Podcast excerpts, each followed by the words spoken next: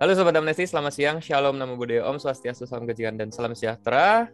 Selamat siang juga buat para Sobat Amnesti dan selamat siang juga buat para tamu undangan yang sudah hadir bersama aku siang hari ini.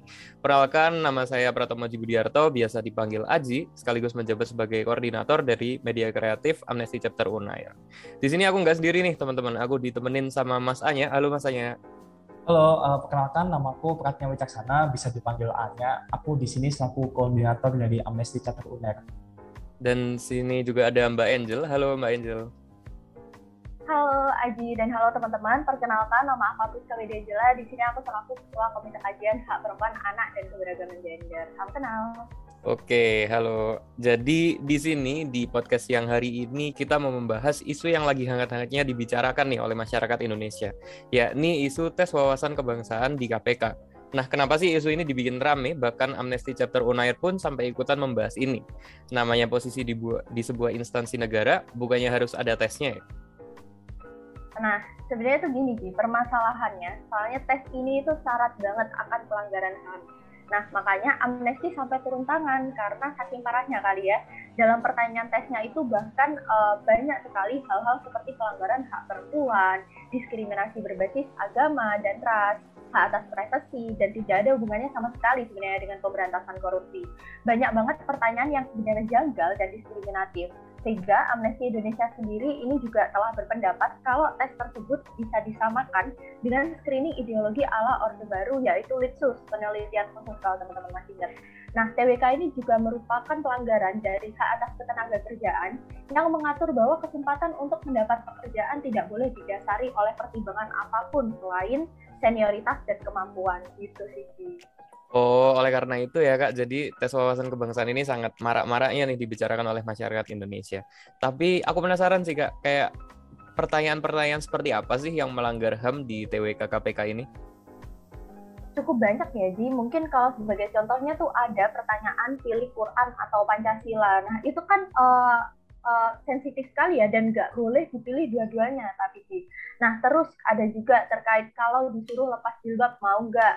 Atau waktu pilpres 2019 milih siapa? Pendapatmu terkait FPI, FPI dan LGBT seperti apa? Sama ada lagi apakah semua orang Cina itu sama? Nah dari sini tuh kita bisa melihat betapa absurd dan ofensifnya pertanyaan-pertanyaan yang ditanyakan dalam rangkaian tes tersebut. Wah berarti serem banget ya sobat amnesty dan itu sangat meranah ke privasi loh sebenarnya. Tapi kalau menurut Mas sendiri, emang apakah tes dari dulu itu seperti itu atau baru-baru aja sih? Uh, eh, TWK ini pertama kali diintroduksi dalam sistem kepegawaian KPK. Nah, di sini yang perlu dipahami bahwa konteks eksistensi TWK ini adalah dalam rangka alih status kepegawaian KPK menjadi ASN atau pegawai negeri. Nah, kenapa kok ada alih status ini? Soalnya sekarang KPK bukan lembaga bukan lagi lembaga independen, melainkan lembaga eksekutif pasca revisi UU KPK di tahun 2019 silam. Nah, revisi itu kemarin juga direspon oleh masyarakat dengan demo besar-besaran dan penolakan karena perubahan tersebut dianggap akan mengebiri lantangnya semangat pemberantasan korupsi karena dari yang sebelumnya independen menjadi lembaga eksekutif seperti itu. Nah berbicara tentang semangat pemberantasan korupsi di Indonesia nih Mas Anya dan Mbak Angel, apakah TWK ini juga akan berpengaruh terhadap kualitas pemberantasan korupsi? Hmm, tentu saja Sisi akan berpengaruh karena terdapat 57 orang yang tidak lulus tes ini dan mereka telah dipecat oleh KPK per 30 September kemarin ini. Nah, 57 pegawai yang dipecat ini malah justru yang sebenarnya memiliki rapor cemerlang dalam kinerja dan penghormatan etik selama di KPK. Beberapa dari mereka juga adalah penyidik yang menjadi ketua satuan tugas kasus-kasus besar seperti korupsi bansos medsos Juliari Batubara dan Harun Masiku. Tak sedikit juga pakar yang mencatat bahwa kental banget unsur politis dalam penentuan siapa yang tak lulus tes ini. Ditambah juga, TWK ini kesannya seperti mendadak sekali untuk dijadikan persyaratan alih status via Perskom uh, 1 per 2021.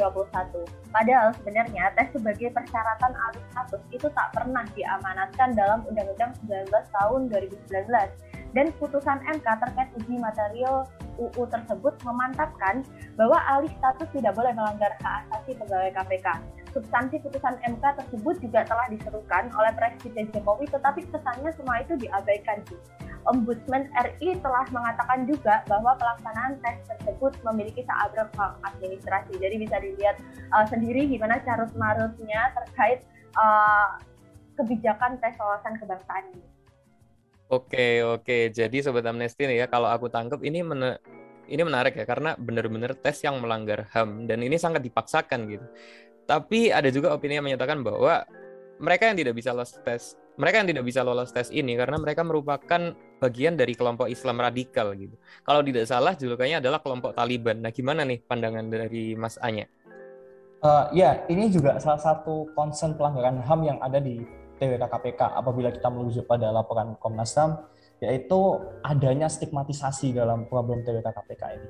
Jadi ada kelompok tertentu yang berusaha untuk menjustifikasi eksistensi tes tersebut pada melanggar HAM dengan menggiring opini publik. Nah, opini publik itu adalah mestigma mereka-mereka yang tidak lolos TWK itu sebagai bagian dari kelompok radikal Islam, yakni judulnya adalah kelompok Taliban.